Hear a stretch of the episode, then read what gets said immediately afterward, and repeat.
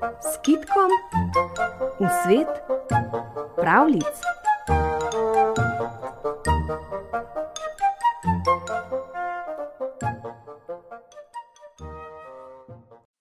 Blizu Škofje Loke izvira potok Suha in njegova struga je res skoraj vedno suha.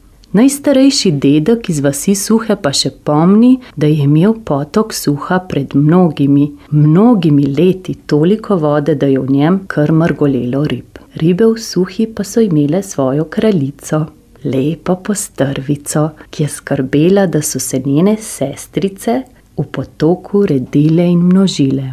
Bilo je v sušnem poletju, ko je suha usahnila, ker ni in ni bilo dežja. Vse suške ribe so splavale v soro, lepo strvica, ribja kraljica je občemela na vroči skali sredi osušene struge ter umirala.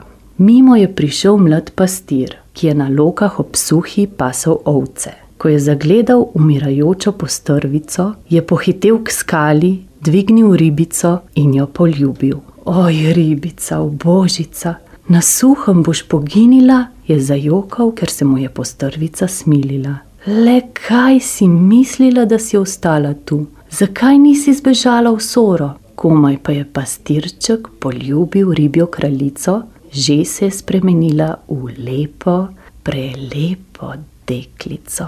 Nasmejala se mu je in spregovorila: Oj, pastirček, rešil si me smrti. Jaz sem ribja kraljica, rada bi ostala pri tebi in s teboj pasla ovce, dokler ne bo voda spet narasla.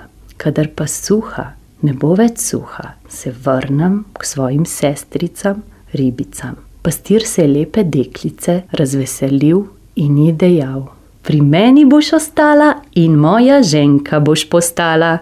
In ker se je bal, da mu lepa deklica ne bi ušla, jo je zaprl v stajo, kamor je zapiral ovce. Nobena stvar pa se ne spreminja tako naglo, kakor vreme. Neke noči se je ulil dež in voda je spet napolnila potok. Takrat je ribja kraljica zajokala.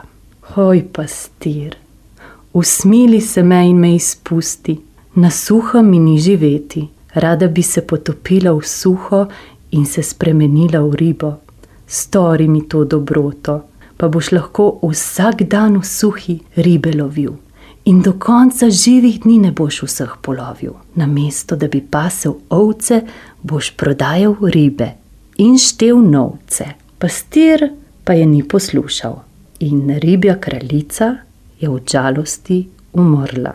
Od takrat je struga potoka suhe, skoraj vedno suha, in v njej ni rib, niti takrat, kadar je potok poln vode.